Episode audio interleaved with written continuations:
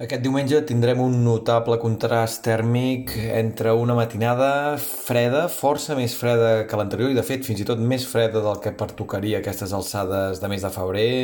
A primera hora les glaçades sovintejaven al Pirineu, Prepirineu, Pla de Lleida, fins i tot hem arribat sota zero en alguns trams de la Costa Brava, però aquestes temperatures s'aniran enfilant a mesura que avanci el matí i al migdia moltes màximes es mouran entre uns agradables 12 i 16 graus, tot plegat sense complicacions. Avui no plourà lloc, pràcticament no hi haurà núvols, només arribaran algunes bandes de núvols prims de cara a mitja tarda per ponent i en tot cas la guitza la faran les boires a la Catalunya central nord del Pla de Lleida, bancs de núvols baixos que s'aniran desfent a mesura que avanci el matí.